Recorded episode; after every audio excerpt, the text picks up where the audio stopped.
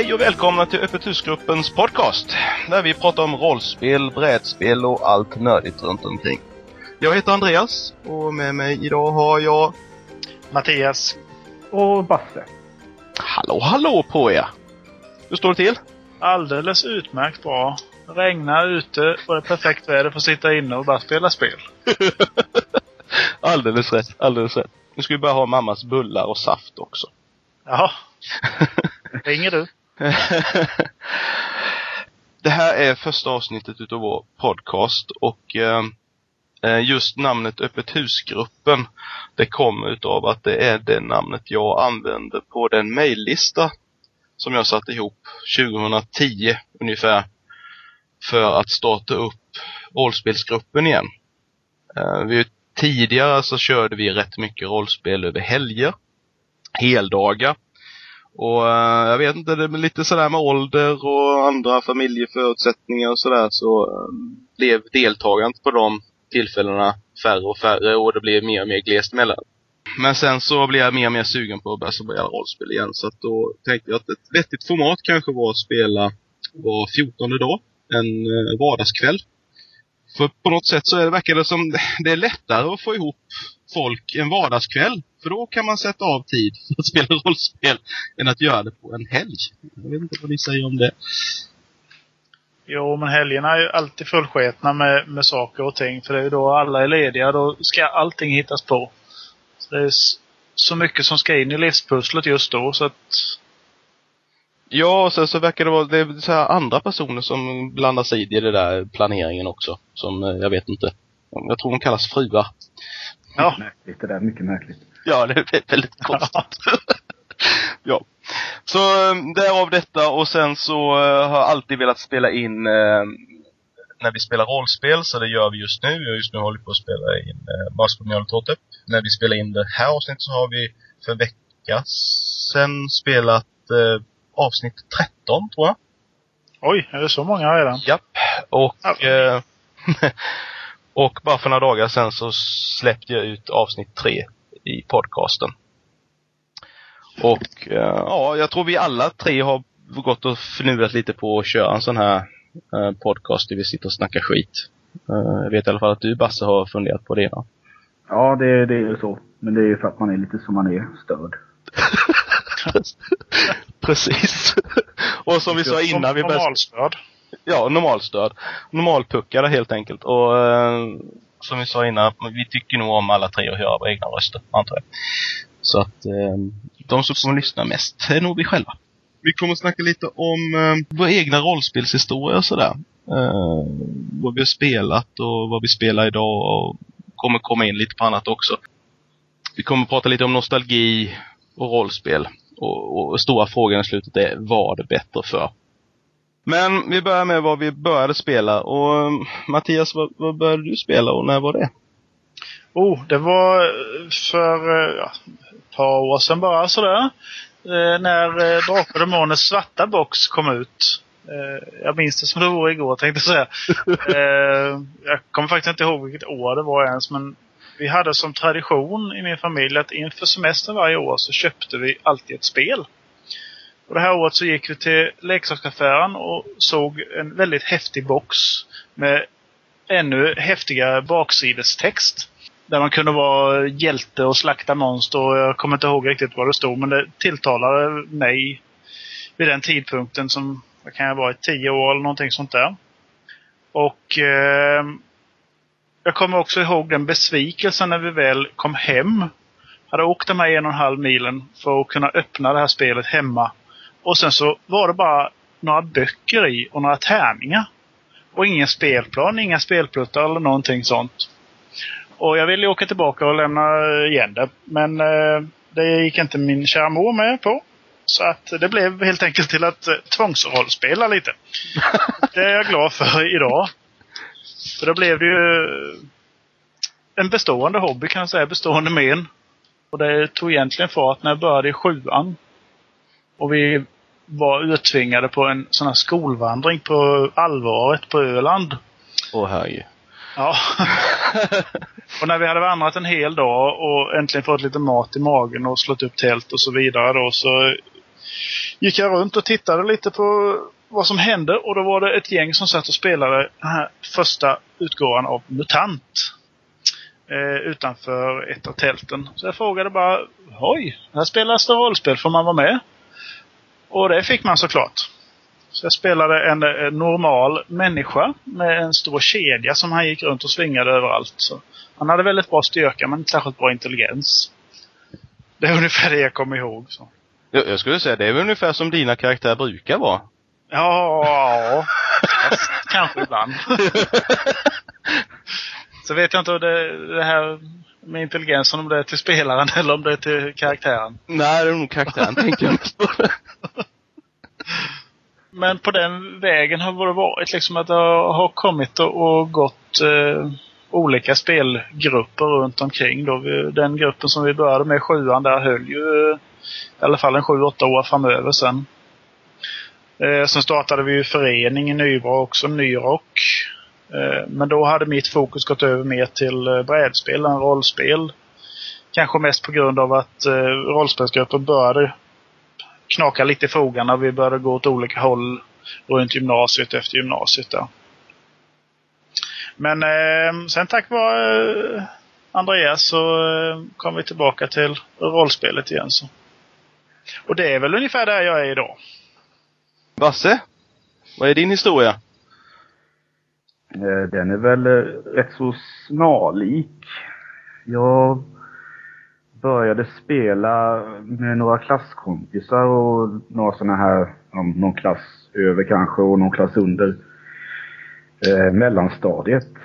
Det var MUTANT också, eh, faktiskt. Eh, det här 1989 års version av MUTANT spelade vi. Eh, men det var ju väldigt, så ska man säga, oseriöst. Eh, inte, för, inte för att jag är så väldigt seriös nu för tiden heller kanske, men då var det, det var liksom ingen struktur, det var ingen, eh, kanske inte så jävla noga med regler eh, och den biten, utan det var mer eh, skojspel. Och MUTANT var ju rätt häftigt, alltså du hade ju mycket tillbehör och mycket häftiga vapen och sådär, så det är klart det tilltalade väl de eh, som ville utverka lite eh, låtsasvåld. Det var, det var häftiga monster också. Var det inte eh, så här mördarkaniner och grejer? Jo, det fanns ju många roliga mutationer, så kunde man hitta på ett mycket själv också. Mm. Och hela den här science fiction-världen tilltalade ju också en hel del. Vi spelade ganska sporadiskt. Eh, sen så, vet, vi körde kult också lite grann. Men eh, det var ännu mer ostrukturerat. Där liksom kunde ett, kunde ett äventyr vara att vi rånade en bank inne i stan. Och så skulle vi ta oss tillbaka till byn liksom, oskadda. Men det var roligt, men det var liksom inte så strukturerat. Sen så var det ett uppehåll där på några år och sen så kommer inte riktigt ihåg. Jag, jag trillade in i en, en rollspelsgrupp i, efter gymnasiet någon gång där. Och sen parallellt så gick jag ju en utbildning i, eh, i Nybro då. Där jag bland annat träffade Andreas. Och där drog det också igång en, eh, jag vet inte om ni kanske hade en existerande grupp som ni Ja, vi hade en, eh, det, det var ju en ganska så gammal grupp egentligen. Så det var så, kärn, kärngruppen var ju jag och, och spelledare då och eh, Roger bland annat. Ja. Så det, det var liksom nästan en rivstart. Jag hamnade i två grupper nästan samtidigt och körde rollspel ganska ofta. Mm. Det var nog som mest intensivt då, eh, för tiotalet år sedan. Och lite lättare när man var singel kanske. you don't say.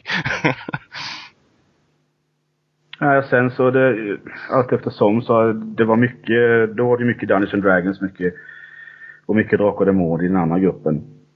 Och eh, sen har det väl allt eftersom trappats ner lite grann och nu är det ju i princip bara öppet husgruppen jag spelar med. Och det är den omfattningen jag är ganska nöjd med. Jag säger, det passar rätt bra sådär var fjortonde dag, en kväll. Det är inte några större problem att avsätta den tiden. Nej, nej det, det är ganska så lagom tycker jag också faktiskt. Absolut. Ja, det, det är ju lite roligt för jag menar vi, vår, även om vi inte har spelat ihop um, hela tiden så har vi hela tiden så här knytpunkter liksom där vi träffas uh, fram och tillbaka. Uh, sådär, jag menar min historia är ju heller, det är ju inte heller sådär väldigt sexig för jag, menar, jag har också börjat med Drakar och Demoner. Och uh, It's a gateway drug. Ja, precis. och jag menar, det var, jag var kanske 10-11 år då och um, det var en kompis till mig som hade, fick boxen. Jag kommer ihåg att jag var så fruktansvärt avundsjuk och vi spelade igenom de här gamla äventyren så jag tror det var Spindelkonungens pyramid och Skelettbyns hemlighet och sådär. Och sen när vi var färdiga med det så, så skrev han eh, egna äventyr. Så han har ju tagit någon sån här räknebok från skolan då och sen så ritade han kartor i dem och så skrev han. Men det, det var ju sådana här typiska, eh, som jag kallar Go Fetch-äventyr. Så här Go Fetch Quests. Man sitter på värdshuset och så kommer det in en gammal gubbe och så säger han Åh, ni ser ut att vara äventyrare. Eh, ni kan gå och hämta det här åt mig. Så här typisk McGuffin-grej då.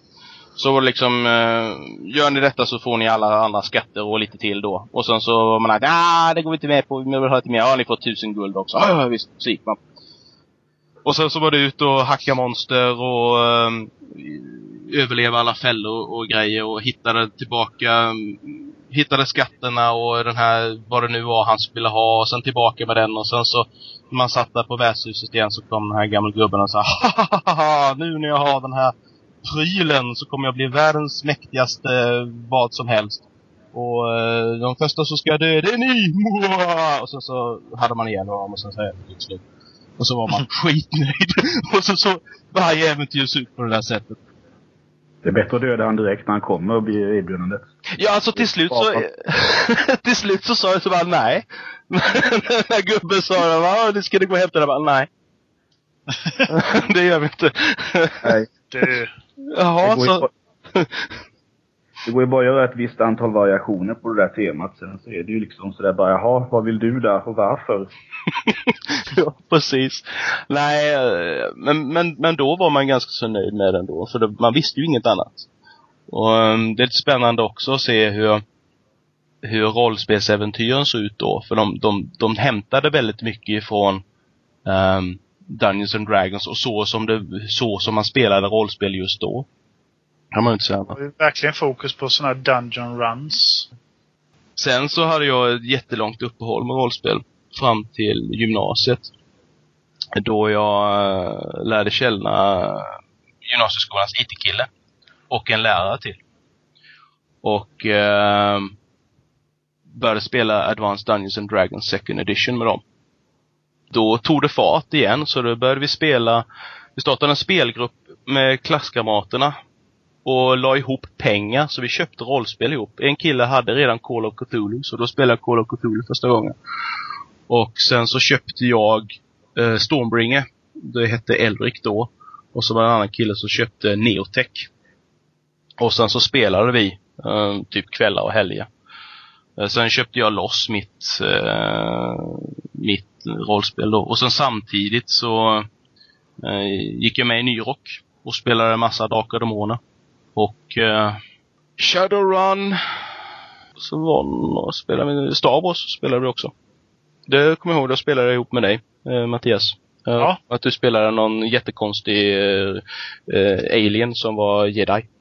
Ja, han heter Varom Entwickling. Entwicklung eller någonting sånt där. Vad framkalla uppstod det senare att det betyder. Jag tog två stycken eh, ja, helt slumpmässigt valda ord ur eh, kompisens tyska ordbok. Han var typ en mage med ett öga, har jag för mig. Ja, Ja, jo, jag tror jag tecknade honom åt dig. Om jag Ja. skulle ha sparat den. Vad spelar vi idag då? Eftersom det verkar som att vi bara håller igång med en grupp så är det ju Call of Cthulhu. Just nu i alla fall. Ja, precis. Ja. Men eh, annars som man säger, det, det som vi kör i eh, öppet husgruppen eh, annars, det har ju... Jag körde ju Vampire the Dark Ages innan detta. Och sen har vi ju även kört Judge Dredd, en one-shot bara för att testa systemet. Väldigt klumpigt system. Och Paranoia har vi kört one-shot också. Mm. Vi började med lite Microlight 20 till att börja med det. Men du spelar lite annat också Basse? Eller då och då i alla fall?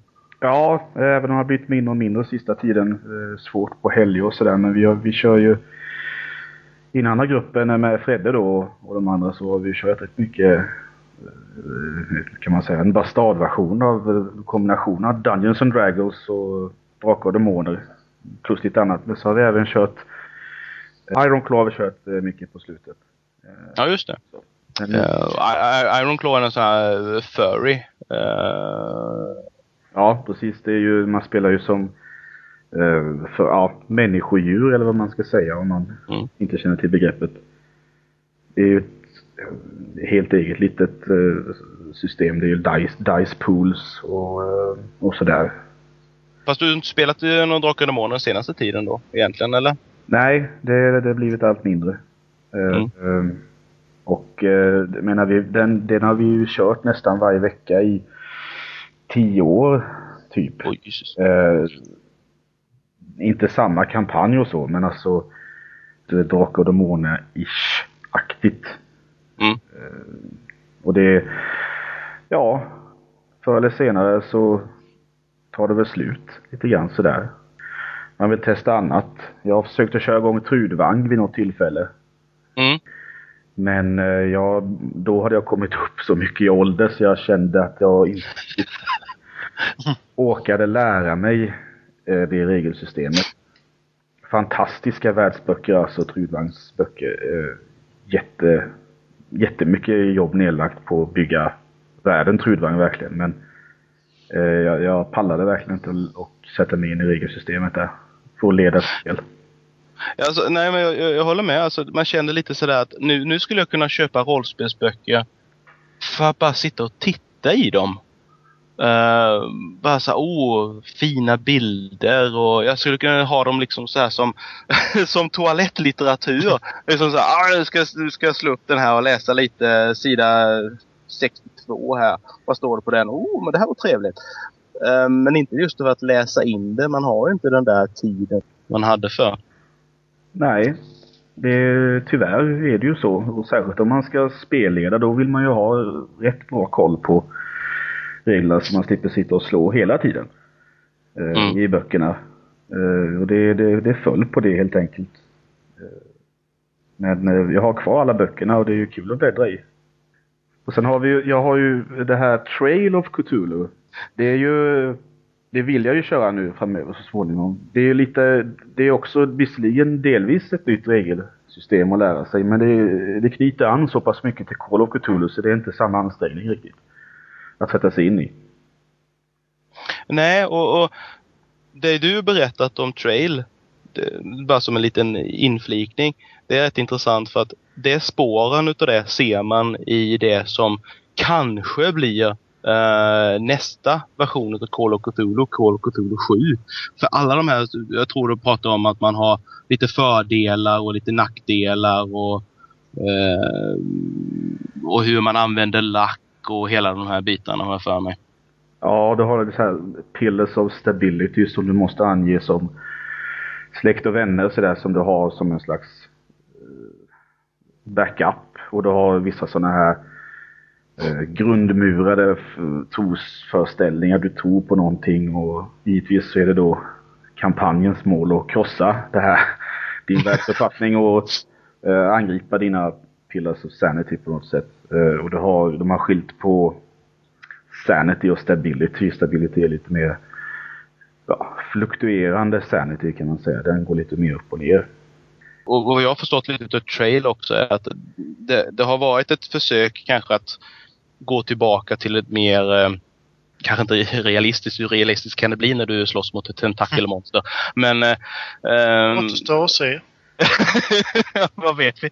Men eh, ta bort pulp ur det. Men sen har, jag, har det samtidigt också fått kritik från andra håll att, liksom att jo, men det är ju ändå pulp. Det är ju ändå mycket pulp. Och du, du kan välja lite i böckerna för, för mig att du har en sån här håll dig true till uh, Lovecraft så ska du välja de här monstren och de här reglerna eller någonting. Ja, du har ju uppdelat lite sådär i purist, purist mm. Mm. Och, och pulp.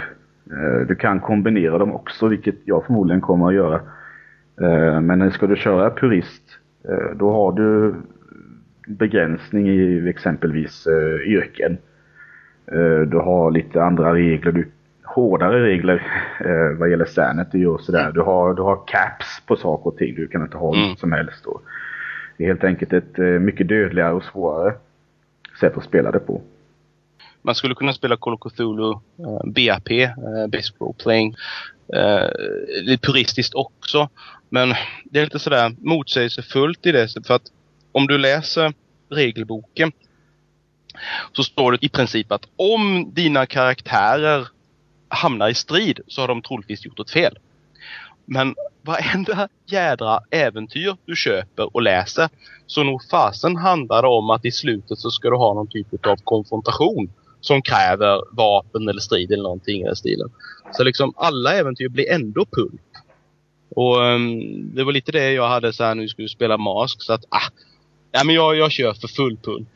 Helt enkelt. Ja, ni får uh, lite bättre stats, ni får uh, eh, skapa lite häftiga karaktärer och så här istället för att vi ska spela turistiskt. Just med, med den spelgruppen som vi har nu så tror jag att det var ju helt rätt val också. Vi kan ju eh, berätta det för oinitierade lyssnare det att vi har ju faktiskt lyckats övertala ett par fruar att delta i gruppen också. Som är helt ovana till, för rollspel och har börjat nu bara senaste året. Och det är vansinnigt trevligt faktiskt. Ja, och framförallt så tror jag att det är väldigt trevligt för själva... För innan vi hade våra fruar med så kunde det vara ganska så grabbigt runt bordet. De tendenserna tror jag lugnat sig lite så det, det där har försvunnit eh, till fördel kan jag säga. Plus att eh, de är inte rädda för att käfta emot. Nej, vi var redan från början. När, när eh, Basse och, och jag körde ett par såna här griniga gamla gubbar. Med en eh, ganska ålderdomlig eh, kvinnosyn. Men det är sånt som eh. lite, det, det, det ger ju lite, vad ska man säga? Nej, inte flärd. Det ger lite dynamik. Lite dynamik till en grupp att du har folk som kanske inte riktigt kommer överens. Karaktärer som inte kommer överens. Eller karaktärer som skjuter varandra i ryggen. Ja, eller som, eh, som kanske frågar de andra eller, eller så. Eller ska försöka elda upp allting de ser. Jag vet inte. Det har vi aldrig gjort. Så. Nej, det, det har aldrig hänt. Lugnt förtal. Ni som inte Nej, har men... lyssnat på våran uh, Actual Play podcast, det är läge att göra det nu. Så förstår ni mer av sammanhanget. Ja. Eh, det, det, är ju någonting också som, som, som har gått igenom eh, det här med elda saker. Det är ju någonting som... Eh, det, det är någonting med spelare och eld helt enkelt. Det är liksom så här bara, ja vad ska vi göra? Vi ska undanleda med nu. Vi tänder eld på skiten. Det... Men Andreas, minns du första gången jag var med och spelade med eh, er Nybro-grupp med Tommy och de här? Ja då, vi pryglade din karaktär till döds. Ja, uh... vad, vad, vad gjorde han? Första gången han kom med? Ja, han, han, eh, han stal hela gruppen, alla, alla spelares hästar. Ja. Och för, som en undanledande manöver så försökte han tända eld på ett stall tror jag. Ja, precis. Återigen det där med elden.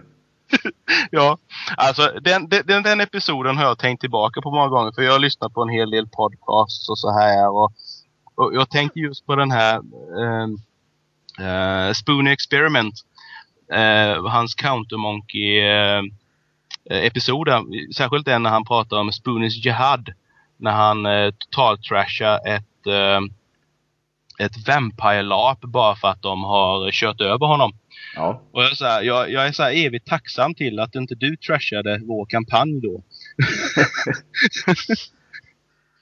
Nej men det var, det var en lärorik, eh, alla spelgrupper har ju sin egen liten dynamik och sådär.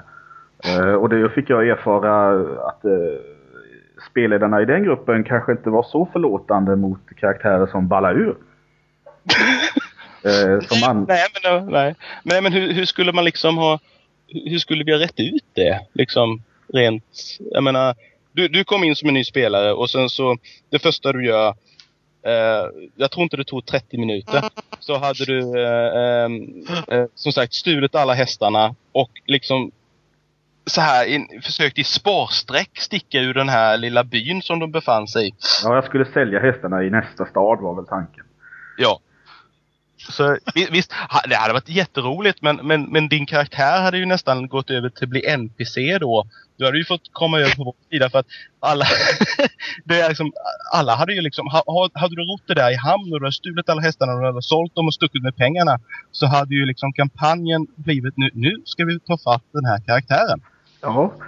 Ja. Återigen sån här intressant dynamik som kan uppstå. Men alltså det... du, du säger det som att det vore något negativt. Ja. Nej, jag säger inte för Alltså, jo.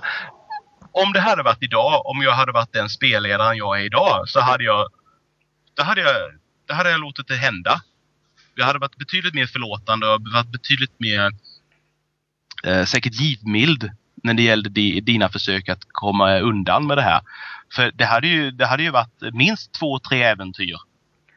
Ja fast jag upplevde, jag upplevde ändå att jag fick en fair, alltså det var ju by the book. Det var inte så att man um, uh, ska jag säga slog eller modifierade tärningar eller så för att sätta dit mig. För då, då hade jag nog kanske gjort en spoonie och reagerat lite negativt. Utan, men det, det var ju ändå liksom, jag var level 1 eller någonting. Jag hade liksom egentligen inte någon chans eh, var inte speciellt snabb utan häst heller. Utan de hann ju fatt mig liksom. Till och med Clericen hann ju fatt mig. ja, när till och med Clericen hinner fatt en, då är det illa. Ja. Ehm. nej, men eh, det är... Nej, men fast jag, jag, hade nog... Jag hade nog greppat chansen mer idag än vad, äh, än vad jag gjorde då. Äh, sen, sen var vi ju väldigt unika. Vi, hade ju, vi, vi var ju två spelledare vid bordet. Och äh, Eh, Eh, Tommy då eh, var ju betydligt mer by the book eh, kanske än vad jag var. Han hade dessutom tio gånger bättre koll på reglerna än vad jag hade. jag, har, jag har aldrig påstått att jag har koll på någon regel överhuvudtaget. När vi spelade med Roger och honom och, och Mats som var spelledare då. Då var ju, spelade ju Roger en neutral evil-karaktär och där hade vi infighting i den gruppen så det stod härliga till. Vi höll ju på att ta ihjäl en av karaktärerna uh, vid ett tillfälle. Så, så efter det tror jag liksom att Tommy sa nej jag vill inte ha några evil-karaktärer överhuvudtaget i gruppen. Uh, och jag tror din karaktär var inte ens evil. Nej, han var chaotic neutral. Jag tror att jag tog det värsta som gick att få med de begränsningarna. Jag, jag gillar ju att spela evil-karaktärer. Eh, konstigt nog. Det, det, kan man väl aldrig ana. Nej! Men jag... jag personligen har svårt med det så att jag, jag är imponerad över de som, som faktiskt klarar av att göra det. Så givetvis så blev jag ju en paladin istället då. När ni hade haft ihjäl den här stackars tjuven.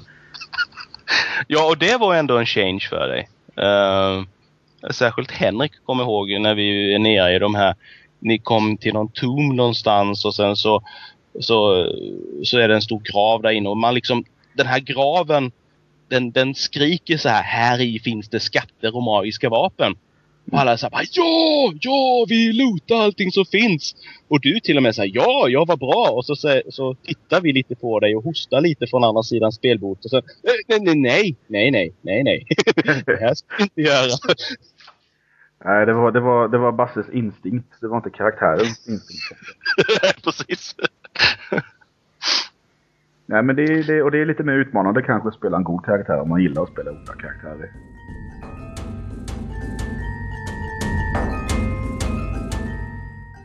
Det här med att gamla spel verkar vara populära knyter ju an lite till hur vi har pratat om nu då, om hur vi började spela och hur vi spelar idag. Gamla versioner av Dungeons and Dragons, de säljs fortfarande. Finns i pdf-form nu. Och kopior och reglerna, de finns i flera versioner och har funnits länge alltså sådana kloner som man har gjort. Eh, finns massor. Dungeons and Dragons verkar i och med och efter 4th edition ha gått mer mot de äldre versionerna. Lite mer avskalade regler som liknar gamla Dungeons and Dragons och Advanced Dungeons and Dragons. Är det bara för att få försöka fånga upp alla de här MMORPG-spelarna? Eller är det nostalgi? För vad är det, en månad sedan ungefär så släppte Drakar Demones, Drakar Demoner eh, materialet fritt som gratis pdf från eh, RideMinds hemsida. Eh, under första kvällen så eh, kraschade deras servrar. Då är frågan, är, är det vi som spelar, är vi, är vi bara gamla? Ja, och eller nostalgiska eller var det bättre för? Jag tänkte på det här du, du sa med Dungeons and Dragons och MMORPG-spelarna. Att, eh, det som jag har sett i tendensen, har jag inte spelat Dungeons and Dragons, är ju med att de började först och främst närma sig de här speltyperna som World of Warcraft eller eh, Guild Wars där du hade din, eh, dina roller inom en grupp som eh, controller eller tank eller healer.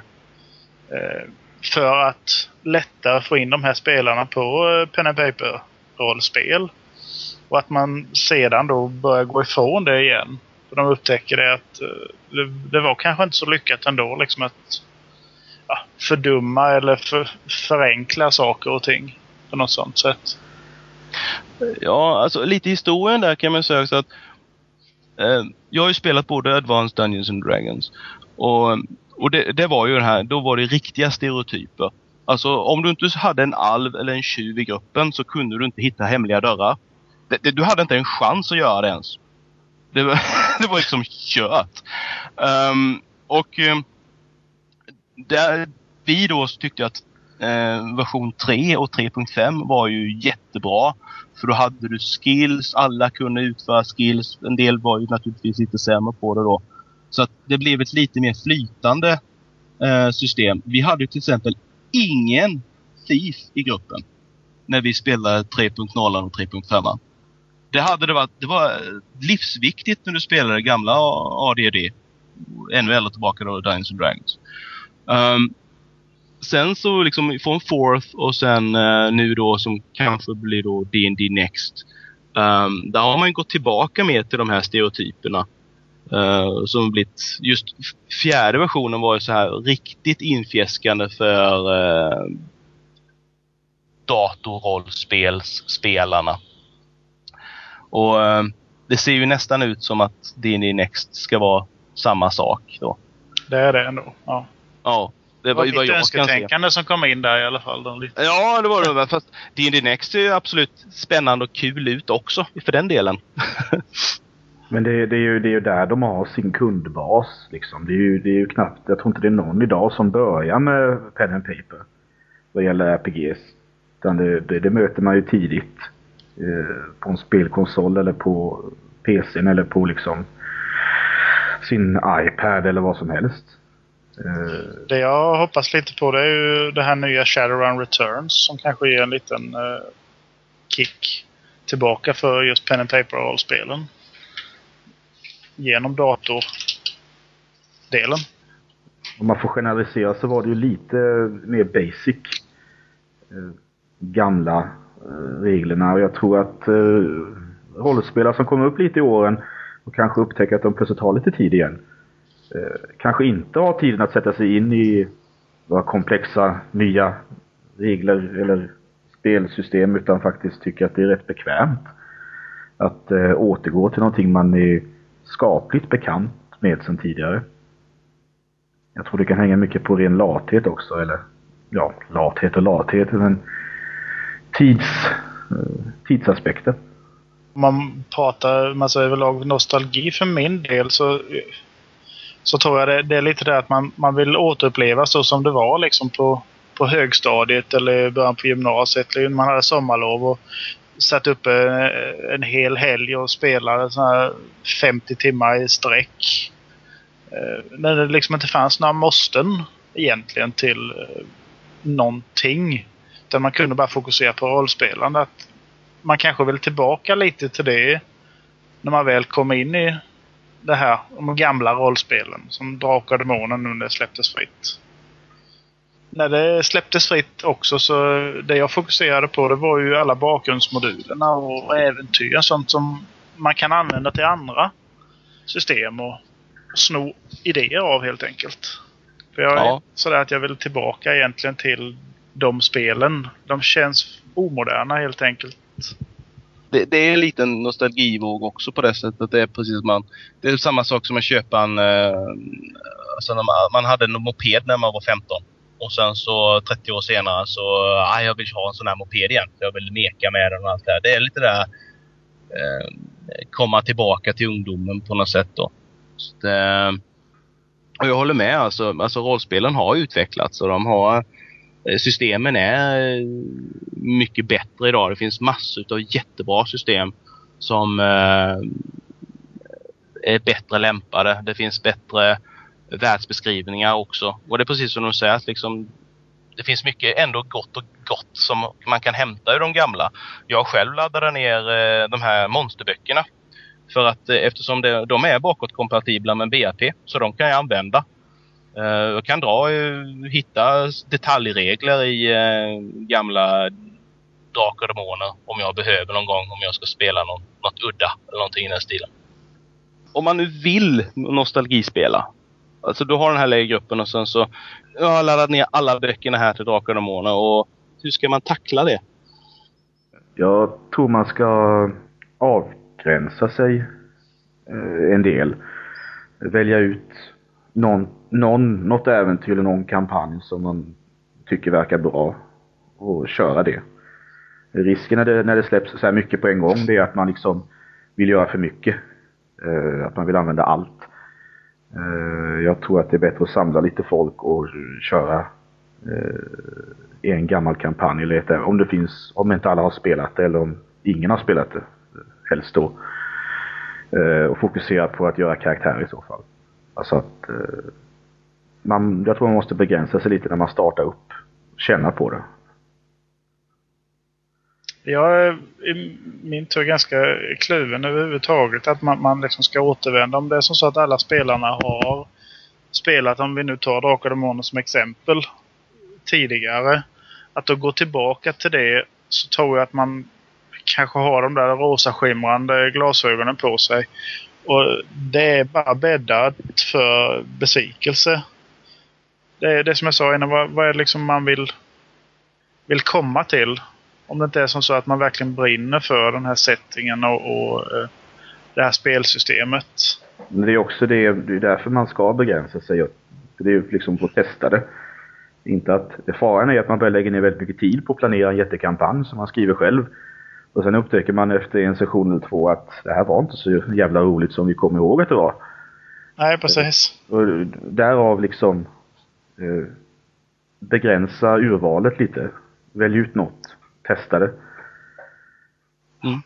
Nej men alltså det är en, typ sätta sätt ihop en one shot eller någonting i den stilen. Bara kör det för en kväll. Som sagt, kanske till och med göra färdiga karaktärer till alla.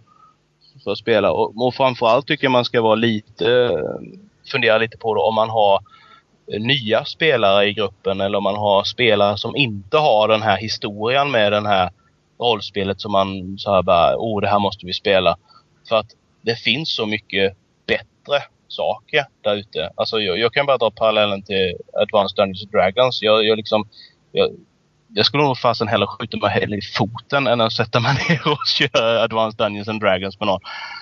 Bara, för det, det var väldigt, väldigt krångligt och, och stelt system. Jag har haft skitkul med det systemet. Det tillhör några av mina absolut bästa rollspelsupplevelser.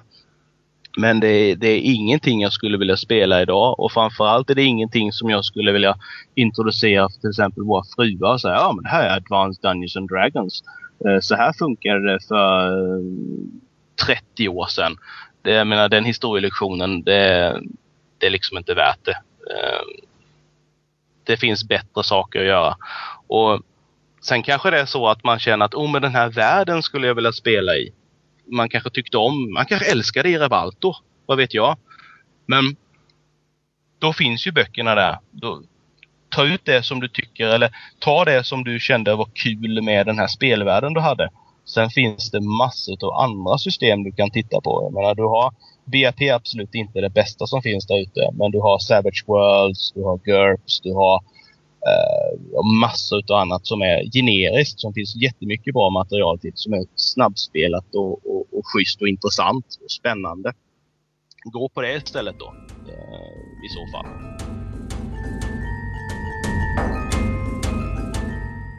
nästa avsnitt skulle handla om eh, ett favoritämne från Basse, om jag inte minns helt fel. Vem är det som liksom väljer att spela en druid i en stadskampanj? Och varför? Vi hade en liten eh, snabb diskussion om det här och vi kom fram till eh, eh, otrevliga sanningar om oss själva tror jag, Basse och jag. Men det får vi avslöja nästa gång. Tack så mycket! Tack, tack. Tack själv. Puss och kram, hej då! Hej. Hej.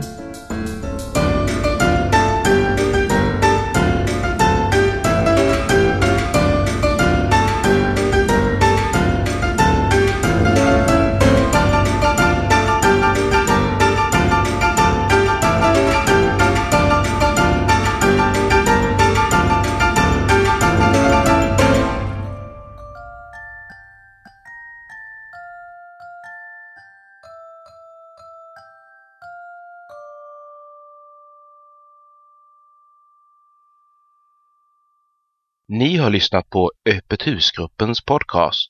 Besök oss på monsterworld.se för mer information och avsnittsnoteringar. Musiken jag hört var The Canary av Kevin MacLeod.